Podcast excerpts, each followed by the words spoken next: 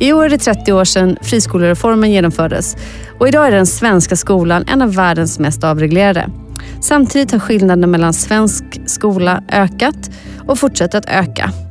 Men vad händer då med utbildningen, likvärdigheten och det kompensatoriska uppdraget när skolan blir en marknad? Och hur blev den egentligen det? Och har svensk skolarkitektur påverkats när rummets betydelse är underordnad ekonomi? I Sverige tillåts börsnoterade bolag att driva skolor som är 100% skattefinansierade. Inte sällan är även riskkapitalbolag ägare.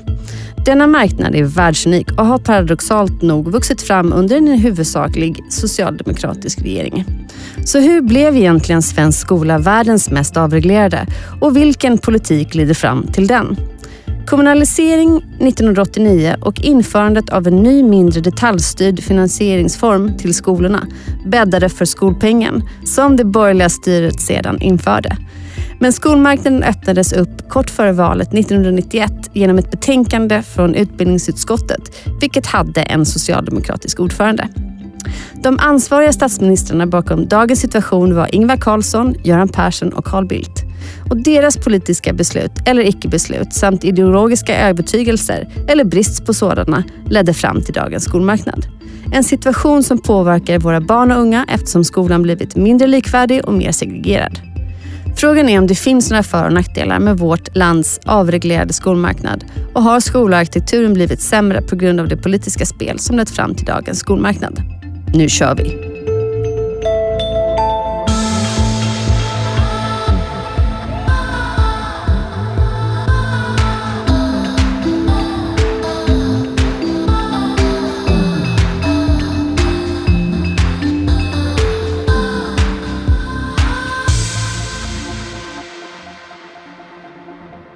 Dagens huvudgäst är journalisten och ekonomen Karin Grundberg Wolodarski. Aktuell med sin nya bok Experimentet som handlar om hur svensk skola blev världens mest avreglerade.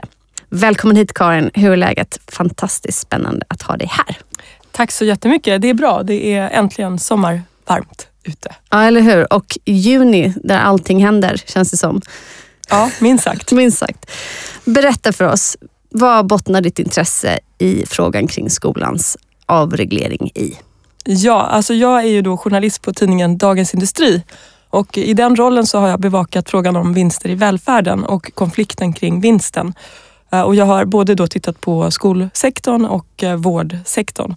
Eh, skolsektorn tittade jag lite mer noga på och jag skrev då återkommande tabeller på de största skolorna i Sverige, hur mycket vinst de gjorde, vinstmarginaler och så samtidigt så skrev jag om konflikten, den politiska konflikten. Och det här gjorde jag under en lång period. Mm. Uh, och två, uh, inför två val så skrev jag om konflikten. Och det gick ju fyra år emellan mm. och det hände ingenting med frågan. Frågan mm. rörde sig inte. Uh, och så det var som att jag kunde då in, inför nästa val när jag skrev de här artiklarna, kunde jag nästan skriva dem i sömnen ungefär. De mm. här texterna om mm. konflikten.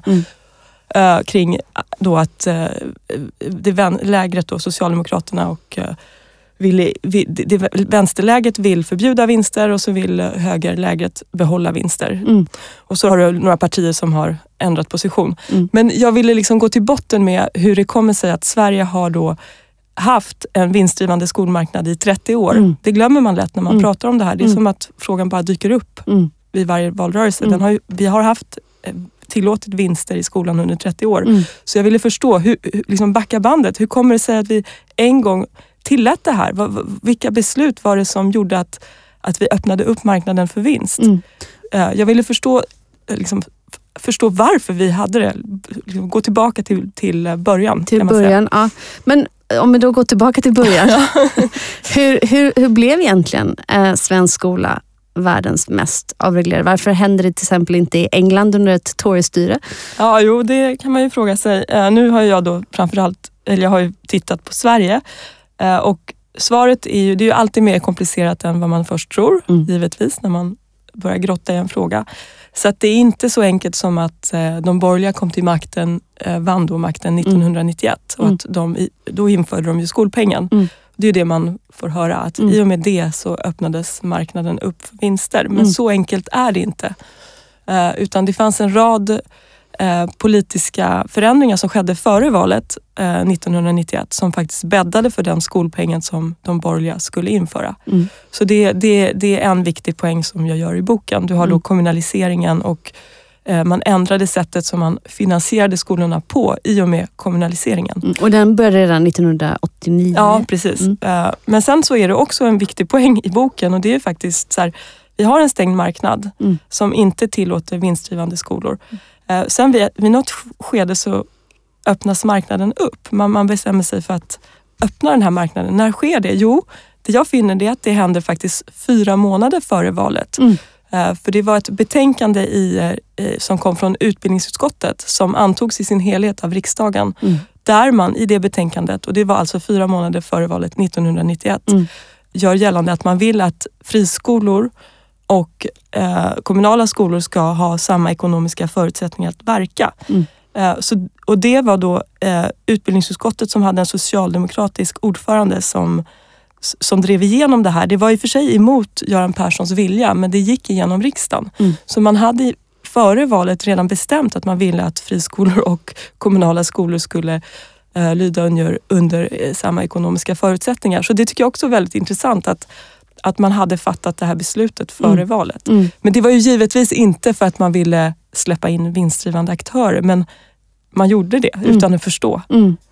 Jag tänker, i boken så har du ju intervjuat tre stycken för detta statsministrar. Ingvar Carlsson, Göran Persson och Carl Bildt. Yes.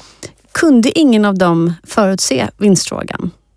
Eh, Det är en väldigt relevant fråga för att eh, man kan ju eh, till Socialdemokraterna har ju, inte, de har ju konsekvent sagt att de inte vill ha vinster i skolan. De Mm. har haft makten merparten av tiden under de här 30 åren. Mm. Det är ju väldigt intressant Mm. också. Att vi sitter här med en skolmarknad och det parti som har suttit på makten vid merparten av tiden vill inte ha det. Nej. Så, så hur kommer det sig? Eh, och då är det så här att mellan, um, okej de borgerliga inför eh, skolpengen 1991, öppnar upp för vinstdrivande aktörer. Det gör de ju uttryckligen då. Eh, men sen kom ju Socialdemokraterna till makten tillbaka 1994 Mm. och då kan de ju faktiskt, om, om de hade förstått att eh, skolmarknaden skulle stadigt växa, Mm. då hade de ju kunnat stänga den möjligheten Mm. mellan den mandatperioden, mellan 94 och 98. För då hade de en, en majoritet för frågan ihop med Vänsterpartiet. Mm. Men de tar inte chansen då. Mm. Eh, Och varför gör de inte det? Jo, för de säger att de ville ha en trovärdighet för den förda ekonomiska politiken. Då handlade det ju väldigt mycket om att sanera finanserna. Just det. Ja, och då ville de inte samarbeta med Vänsterpartiet som var liksom motståndare utan istället så gör de ihop då en överenskommelse. Först försöker de med Centern och lyckas inte. Det är Ylva Johansson som är skolminister då. Just det. Eh, Och till slut så får de till stånd en överenskommelse med Miljöpartiet Mm. och då höjer man skolpengen Mm. till 100 procent så den är totalt jämlik. För från början var det 75. Eh, 80, 80, ja, okej. det var 80, det gick ner mot 70 och sen tillbaka till eh, upp till 100. Mm. Och, men samtidigt då så för, förbjöd man möjligheterna för skolan, skolor och friskolor att, att ta ut föräldraavgifter. Mm. Så då likställde man dem helt. Mm. Och varför då gör de det och istället för att liksom stänga möjligheten? Mm. Jo, det är för att de ville att föräldrar skulle ha möjlighet att, att välja skolor. Det var en viktig fråga även Mm. för Socialdemokraterna. Mm. Eh, Det var ju mycket det man gick ifrån. Man, man, man ville verkligen öppna upp för eh, valmöjligheter. Mm. Samtidigt som man inte såg eh, att, att, att det skulle bli en skolmarknad. Och då var ju Ingvar Carlsson var ju statsminister, Ylva Johansson var skolminister när det här skedde. Mm. Och sen kom ju Göran Persson också och, och, och tar över som, som statsminister. Så nej, de såg, eh, de säger alla att, att de, eh, Göran Persson, han är inte beredd att vara så självkritisk. Nej. Det ligger väl inte i honom. Nej. Men, men Ylva Johansson är det. Anitra Sten beklagar att hon inte såg vinsten och det gör faktiskt även Ingvar Carlsson. Jag tänker Anitra Sten på den tiden var ju inte eh, chef för Systembolaget utan hon hade en annan roll. Vad Ja. var hon var? Ja, men Anitra Sten var ju statssekreterare Just först det. då åt eh, skolminister Göran, Persson. Just det. Ja, så att hon hade en viktig roll eh, när skolan kommunaliserades Mm. och även då när man ändrade finansieringsformerna till, eller finansieringsformen Mm. till de kommunala skolorna. Mm. Så det, det, det var hennes liksom, eh, viktiga uppdrag kan man Mm. säga, att, Mm. att genomföra det ihop då med, med Göran Persson. Men jag tänker, gi- givet då den här historiken och de här politiska eller icke-politiska besluten som har fattats. Kommer något eh, större politiskt parti någonsin göra sak av den här frågan om vinster i skolan? Eh, ja, men alltså, vi går ju till val nu Mm. eh, och du har då Socialdemokraterna. Det är intressant för de har, de har haft två olika skrivningar. Eh, jag som då verkligen har ti- tittat och sökt. De har, å ena sidan har de sagt att de vill förbjuda vinster i skolan. Mm. Nu pratar de mer och mer med orden att de, de vill förbjuda vinstuttag Mm. ur skolan. Det är faktiskt skilda saker. Förbjuda vinst eller förbjuda vinstuttag. Mm. Så redan där finns det tycker jag en liten fråga. Vad vill de egentligen? Mm. Men de har ju lagt, lagt en rad eh, konkreta förslag, bland annat på att eh, minska skolpengen till friskolorna. Mm. Eh, för att de tycker att de kommunala skolorna har ett större ansvar att, att faktiskt ta emot eh, eh, elever i kommuner. Men det har ju inte gått igenom riksdagen och de har inte en majoritet för att ja, förbjuda vinstuttag eller förbjuda vinster beroende på vad det nu är de vill göra. Eh, så att, så att, men, men de har varit väldigt tydliga tycker jag i den här valrörelsen att, att det är det de vill. Mm. Men, men, men de saknar en majoritet för att göra det. Mm. Och ja, Vi får väl se liksom hur, valet, hur det går i valet. Det beror ju helt på vilka majoriteter som formas. Mm, mm. Jag tänker det som, som skolarkitekt oftast möts inför är ju att man behöver bygga tusen skolor på tio år eller 1400 skolor på tio år samtidigt som kommunernas belåningsgrad har ökat. Och då kan man ju som arkitekt i alla fall tänka att det är svårt att se hur liksom, ekonomin skulle gå ihop om man tog bort friskolorna. Bara en liten personlig reflektion. Hur menar du, vems ekonomi? Tänker du på kommunernas? Eller? Ja, jag tänker på eh, kommunernas eh, och liksom deras ansvar inför sina medborgare också att kunna erbjuda skolplatser. ja nej, men det är väldigt eh, svåra frågor. Hur, hur, om de skulle liksom, döda de här friskolorna Mm. genom att förbjuda vinster eller förbjuda vinstuttag. Mm. Det, är, det, det är ju en fråga, vad, hur, hur ska de lösa det? Jag vet inte. Det här är ju väldigt så här, det, det, det, skulle, jag vet inte. Nej. Det, går, det, det kanske går, det kanske inte går. Jag, det, det, finns säkert eh, arkitekter alltså, som tittar på det här. Ja, vi sit- Alltså inte arkitekter, skolarkitekter utan politiska Ja, jag arkitekter. förstår vad du menar. Sådana ar- arkitekter finns också. Exakt. Eh, Du berättar, finns det några positiva lärdomar? Eh, till exempel att det har blivit, alltså, om man nu vänder på steken, man pratar oftast Ja, om nej, de negativa precis. konsekvenserna, men finns och- det så här, på, Ja, och det är viktigt. Jag säger, upprepar hela tiden att min bok är ingen debattbok. Det är en journalistisk bok. Jag har verkligen tittat på besluten framför allt här, Mm. och tidsandan. Mm. Hur kunde marknaden öppnas upp? Så det vill jag först liksom understryka. en kronolog, jag tänker den är ju väldigt kronologiskt Ja, uppbyggd, eh, etapp för etapp och sen med ett persongalleri, sa här innan vi började prata, att det påminner mer om liksom Dostojevskij. Ja, Eh, men för det är att det är många- ett sånt det är många där. som är listat längst bak i boken. Ja. Väldigt bra för mig som inte är insatt. Ja. ja det, det är väl något för mig att ta med mig om jag skriver en till bok. Men att, att kanske vara eh, ännu mer tydlig med alla människor. Men det är, det är klart att det har varit många, många aktörer inblandade. Mm. Eh, jag intervjuar många av friskoleaktörerna också Mm. och det är ju en person som heter Peje Emilsson som är en av bokens huvudpersoner Mm. och han sitter ju och äger Kunskapsskolan Just idag det. som är en av Sveriges största Mm. vinstdrivande friskolor. Mm. Eh, jag ska svara på din fråga, men jag tyckte det var intressant att, att eh, skriva om hans liv och hans ehm, vilja att faktiskt skapa en skola Mm. och kontrastera det med Socialdemokraternas motstånd. För Mm. att här står vi och här, här sitter han och äger en av Sveriges största vinstdrivande Mm. friskolor. Mm. Och Socialdemokraterna står kvar och säger att de inte gillar det. Mm. Det tyckte jag var ett intressant Mm. grepp. Ja Liksom. men verkligen. Eh, Men, eh, ja, men det är klart, man kan, det finns både för och nackdelar. En, en, en så för, fördel, jag menar, valfriheten för föräldrar som väljer skola för sina barn ha, har ökat i och med det här systemet. Mm. Jag menar, vi har ett system där eh, länge väldigt, som har varit väldigt generöst kring vem som får starta skola. Mm. Och det har startats väldigt många olika skolor. Mm. Så det har väl eh, lett till en, en, en, liksom ett större utbud, flera olika skolor som Mm. finns där. Eh, och, och möjlighet för föräldrar att faktiskt välja den skola de tycker passar för sina barn. Det är en aspekt av det. Sen finns det ju faktiskt ehm, negativa aspekter av systemet också med just valfriheten. Att, att många forskare, forskare är aldrig överens, men många forskare är överens om att det här systemet med då valfrihet och även skolor som går med vinst, Mm. skolor som gör reklam, som Mm. riktar sig till en viss typ av Mm. elever. Det subtila liksom, budskap. Eh, i, det gör att man får en mer segregerad skola. Eh, och eh, det är ju då baksidan av det hela. Att, att, och många då så säger de som inte riktigt håller med börjar prata om att ja, men vi har ju boendesegregation Mm. så vi skulle haft det ändå. Men då Mm. säger forskarna, många forskare då att det här spär på segregationen. Att det, Mm. blir, det har blivit ännu mer segregerat på grund av det här systemet. Mm. Så det är en nackdel. En, en väldigt allvarlig bieffekt av systemet är ju det här problemet med betygsinflation. Mm.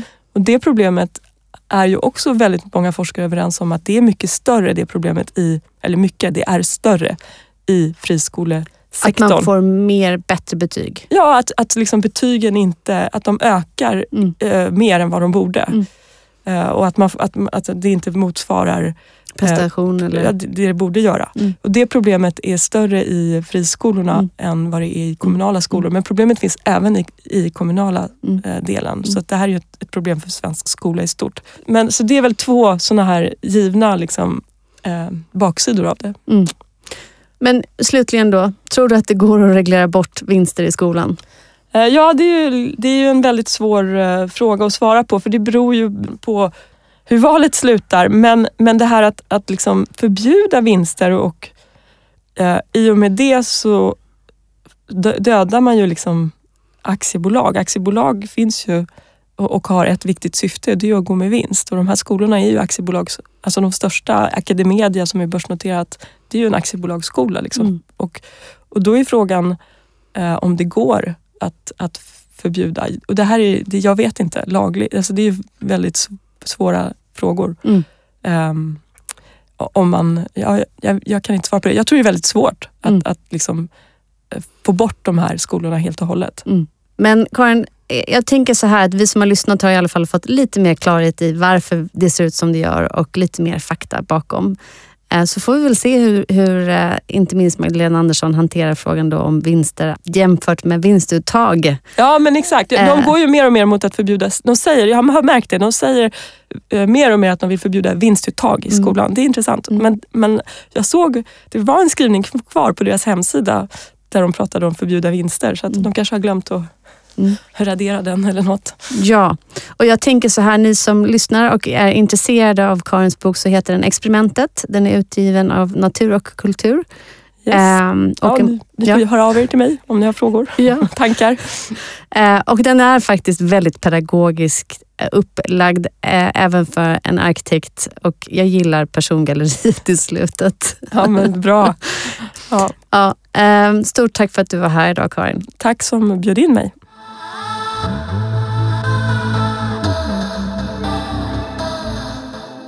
Dagens sidekick är Jadwiga Krupinska, professor emeritus i arkitektur vid Arkitekturskolan, Kungliga Tekniska Högskolan i Stockholm, som är aktuell med boken Skola och arkitektur formade oss.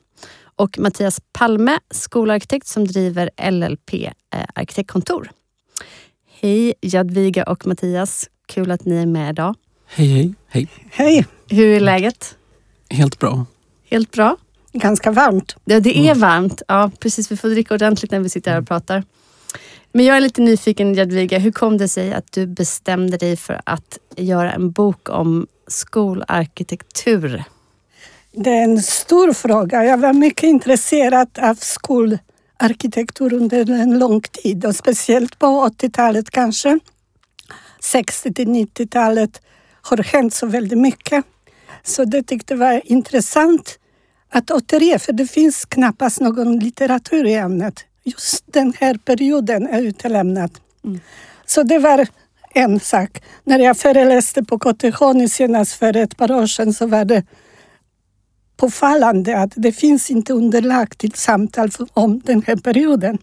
Och under den tiden så var diskussioner om pedagogik ganska så livliga och om Eh, arkitektur, om man ska säga arkitektur, det var funktioner, funktionslösningar som man diskuterade först och främst. Men det är intressant att återge. Så det var kanske det. Och sen så naturligtvis eh, arkitektur har ju så stor betydelse så jag tänkte att det är också intressant att göra en liten återblick och visa hur pedagogik och arkitektur samarbetade och vad är det för värderingar som arkitektur förmedlar. Har värderingarna förändrats under tiden, eh, under den här tidsspannet då? Eh, värderingarna har förändrats oerhört mycket. Om man räknar på spannet från 1842 eh, när eh, den kom den första skolstadgan till ungefär våra tiden. Så när man tittar på arkitektur så har man på något sätt berättelse om hur man värderar, eller har värderat under tiden, kunskapen. Och barnen kanske också? Och barnen, det, det varierar. Det var det är väldigt intressant att man hade betoningar på lite olika sätt. Men, mm men jag har gjort då i boken en eh, återblick till äldre tiden från, från den första skolstadgan och sen eh, tagit exempel på arkitekter som arbetade mycket medvetet med, med, med pedagogik också och hade visioner.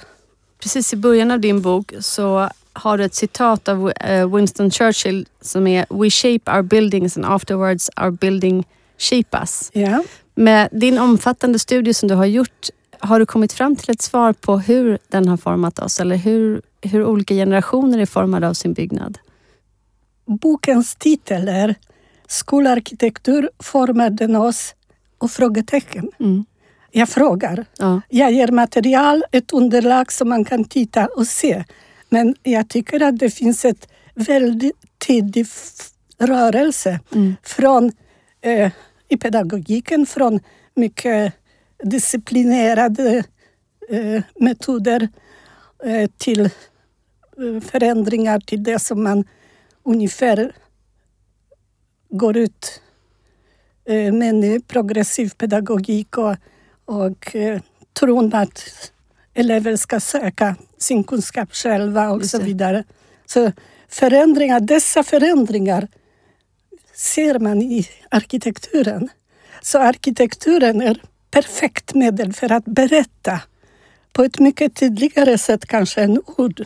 Om du tänker på att vi gör resor till, låt oss säga Rom och tittar på akvedukter eller Pantheon eller vad det nu är, så berättar de oss inte bara om byggnader som kuriosum, utan det berättar om skeenden, om historia. Mm. Samma sak med Stockholms slott. Mm. Det är en perfekt berättelse om stormaktstiden. Mm. Och på samma sätt kan man se skolarkitektur. Mm. Den talar om vilket värde man tillmäter kunskapen, tycker jag. Jag, jag, skulle precis komma till det, för att när man pratar med elever om hur de känner inför sina skolbyggnader så är det också väldigt tydligt att det här att fina rum och fina byggnader förmedlar precis det du säger, värde och då känner man en stolthet. Och eh, inte minst man trivs och man känner sig kanske också trygg. Och Jag tänker att det hänger ihop med hur man kan prestera och må väl i en skola också i förlängningen. Eh, Mattias, jag tänker du har ju ett kontor som har ritat ett flertal skolbyggnader. Eh, vilka aspekter är viktigast för er eller för dig Eh, för att förmedla eh, kunskapens värde eller skolarkitekturens värde? Vad jobbar ni med? Jo, det är väl att utforma den här byggnaden, skolbyggnaden då. Att ge verksamheten optimala förutsättningar för det uppdrag som skolan har. Mm. Som är då en sorts institutionalisering av kunskapsöverföring från generation till generation som är en, en fundamentalt eh, viktig mänsklig aktivitet. Kan man säga. Och det, att ha, ha den, det fokuset så att säga känns som det bästa sättet att, att eh, eh betona kunskapens värde. Sen är det ju väldigt viktigt att det, att eh, det finns en värdig utformning och beständiga material så att den här kan få ett, ha ett bestående värde. Men eh, det, och det är ju eh, det är inte, alltså det, det gäller de pedagogiska förutsättningarna. Det gäller ju ja, vi, man har länge satt ett likhetstecken mellan undervisning och inlärning. Och, men, och där har det skett en, en process som, på, som Jadwiga beskrivit eh, funnits länge. Att insikt om att eh, värdet av att lära genom att göra. Till Mm. exempel en så enkel, ja, som beskrivs väldigt fint i Jadwigas bok. Hur, den, eh, som har varit viktig i svensk skola. Som har varit ett ja, fint och bra inslag på alla sätt. Sen de sociala förutsättningarna kring eh, studiero, grupp, eh, social dynamik i grupper ehm, och de rent fysiska förutsättningarna som, eh, med luft och, dagsljus. Som man, som, ja, det är den enda faktor som man fa- faktiskt har vetenskapligt kunnat knyta till Inlärning. Ja, eller studieresultat Mm. att dagsljus ger bättre studieresultat. Mm. Mm. Jag bara tänker så här också att det handlar ju också kanske om vad man historiskt då har placerat byggnaden i staden. Jag vet inte hur, om ni har jobbat med, med att komma in tidigt i planeringsskedet också. Jo, det har vi fått göra. Det har varit väldigt roligt. Och det, är, det är ju en möjlighet. Skolbyggnaden är ju liksom en, det är en publik byggnad och det har många kommuner förstått att här kan man handla strategiskt. Det gäller liksom en, ett, eh, ett värde. Man kan skapa trygga platser och stråk. Man kan få ja, ett mervärde med en bra planering av skolbyggnaders placering och infogning i Mm. sitt sammanhang. Ni får en fråga till er båda, men när jag läser din bok Edviga så kan jag känna så här att eh, idag när vi pratar om innovativa, moderna skolbyggnader, så när man läser din bok så känns det som att vi har gjort allt det där förut. Man tittar på den här, du har med ett exempel från en Montessori-skola, om jag inte minns fel, i Amsterdam. Herzberg. Herzberg, Ja, yes. för då känns det som att idag så ritar man nästan inte en skola utan att det finns ett hjärta och den här liksom, trapphallen och så. Vad, vad, vad, vad säger ni? Tror vi att vi uppfinner någonting som egentligen redan finns idag? Eller har funnits historiskt? Det är inte säkert att man behöver uppfinna något. Det kan vara så att man helt enkelt får titta in på frågan no- noggrant. Mm. Inte göra schematiska eh, mönsterbilder av funktioner och inte tänka på rummet så att säga. Och sen skalan av det hela, det enormt stora byggnader som man har byggt. Mm. Eh, kanske inte helt optimala. Kanske det här som man kallade i Danmark och så kom till Sverige som en liten skola i stora skolans ram. Det är kanske tankar som bör på något sätt återkomma. Det är flera saker eh, som kan tas från det gamla, men kanske inte de som inte var så bra. Mm. Exempelvis disciplin i skolan, eh, som jag skriver till exempel om eh, Lancaster, eh, växelundervisning. Det var väldigt grymt. Men å andra sidan så löste det problem på den tiden. Mm. Mm. Ja, nej, men idag pratar man ju väldigt mycket om att skolan ska vara, eller det finns ju strömningar som är att, att skolan ska vara en, mer av en disciplin och uppfostringsanstalt. Det, det är ju skrämmande när man tänker på hur det har varit också. Men det kanske behöver inte gå så långt. Det är frågan närmast om daglig respekt. Mm. Det behöver inte vara disciplin utan någon slags respekt mellan de personer som befinner sig. Ja, eh, man måste väl kunna eh, se det som en, en social kontroll och det kan, finns en behov av en positiv social kontroll. Eller det, är, det är något positivt i Ja. en skolbyggnad Mm. som fås både genom vuxennärvaro och ja, en öppenhet och överblickbarhet. Mm. Mm. Och det, den, det här disciplinerande, det är ju det här klassiska som återkommer i arkitekturhistoria. Benthams pano, panoptikon. Att det här är ju eh, det är en, en och att, ja, som sen eh, Michel Foucault skrivit om att alla byggnader är likadana varandra. Att, ja, eh, vad skiljer den? Mm. Jag har hört lärare som sagt ja, det blir som att vi ronderar som plitar i och, så där, och det är det den här sociala kontrollen som finns. Men det finns en, det är en positiv social kontroll måste man Mm. se det som. Och Mm. det, eh, det handlar om eh, också att bygga en gemenskap, att, att ett gemensamt socialt rum som, som ger andra sociala regler hur man agerar. Mm. Mm. Kanske just som i Herzbergers skolor. Där man har den här gemensamma samling och lärarna sitter nära. Nej, det finns ju det enda som finns som, ja, det var inte Jadwiga som sa, men även om det har varit ett stort nöje att läsa den här boken och få en sorts flashback tillbaka till dina många föreläsningar. Mm. Så var din kollega då, Jan Henriksson sa att enda källan till kunskap vi har, det är ju, vi har inom arkitektur, det är exempelsamlingen. Mm. Mm. Och det finns ju, att vi upprepar saker, det är ofrånkomligt. Men mm. det finns ju mycket att lära av den här exempelsamlingen. Och det är också så bra med den här boken, att, att här lär vi av, av det som finns och mm. har gjorts. Och, och, även det som inte har blivit bra, det finns mycket att lära av det också. Och de processer som ledde fram till det som inte var bra. Ja, jag, jag känner att den fyller ett tomrum och att jag själv när jag läste den kände mig ganska historielös. Alltså jag, man har ju koll på, eller jag har i alla fall haft koll på liksom från att vi hade folkskola till obligatorisk nioårig i, alltså grundskola. Men, men just arkitektoniskt, där eh, fyller den här boken, måste jag också säga, ett, en stor funktion.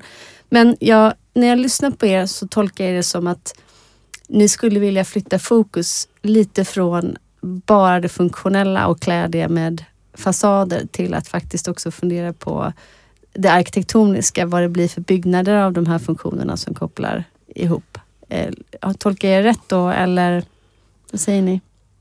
Ja, jag menar det i alla fall. Att det, man måste kunna ta skolbyggnaden på allvar så att säga. Att det här handlar om en viktig verksamhet som man, man, måste försöka sätta sig in i och analysera. Och det är inte särskilt svårt egentligen. Mm. Det är ganska enkla saker som är väl beskrivna i Jadwigas bok också. Hur, mm. Och det, det måste man kunna ta på allvar så att säga. Att det inte är en, ja, sen är det fint om det här har en fin utformning och, och kan lyfta ett sammanhang, mm. urbant sammanhang eller mm. så. Men det, det, det, ska, det ena ska inte utesluta det andra. Mm.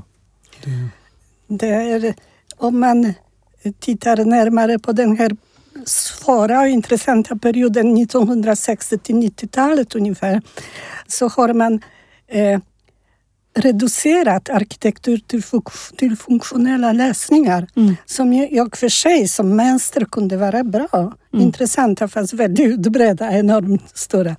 Men eh, man tappade rums... Eh. Mm.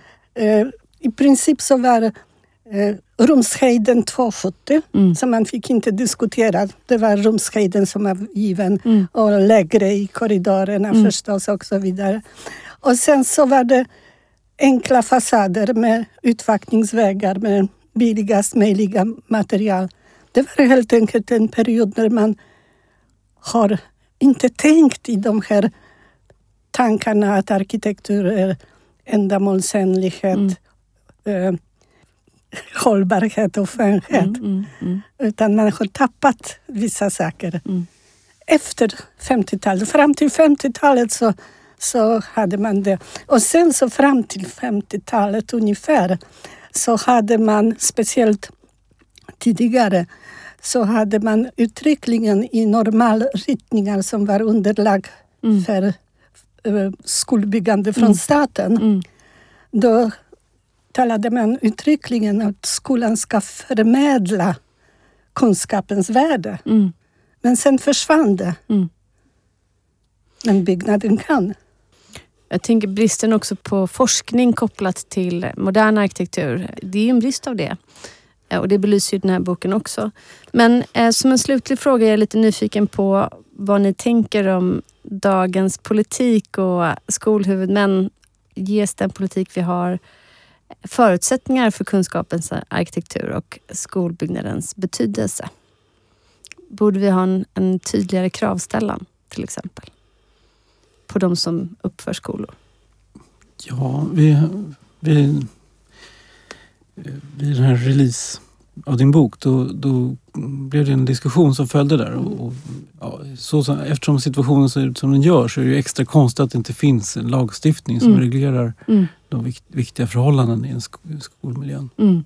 Och det, det, saknas ju tvingande lagstiftning. Mm. den, den som finns det, den hamnar inom arbetsmiljölagstiftning och eh, eh, många av de frågor som gäller elevernas miljö kan kringgås på många olika sätt och det, det är upprörande att det inte finns faktiskt. Jag tror också att det är svårt att bilda sig en uppfattning. Vad är det som byggs idag egentligen? Mm. För det är kommunerna som ansvarar Mm. och man har inte längre någon överblick över det. Och små kommuner kan, kan ha svårt att klara uppgiften. Mm. Stora kommuner bygger så småningom naturligtvis en viss expertis. Så det varierar, men man vet inte riktigt. Det kanske är väldigt dåliga baracker som man bygger på vissa håll Mm. och på andra håll bygger man bra byggnader. Mm. Så det är klart att man skulle gärna vilja ha forskning som kan belysa situationen. Vad är det, vad är det man bygger idag för, för skolbarn? Mm. Några goda moderna exempel har du ju med i boken.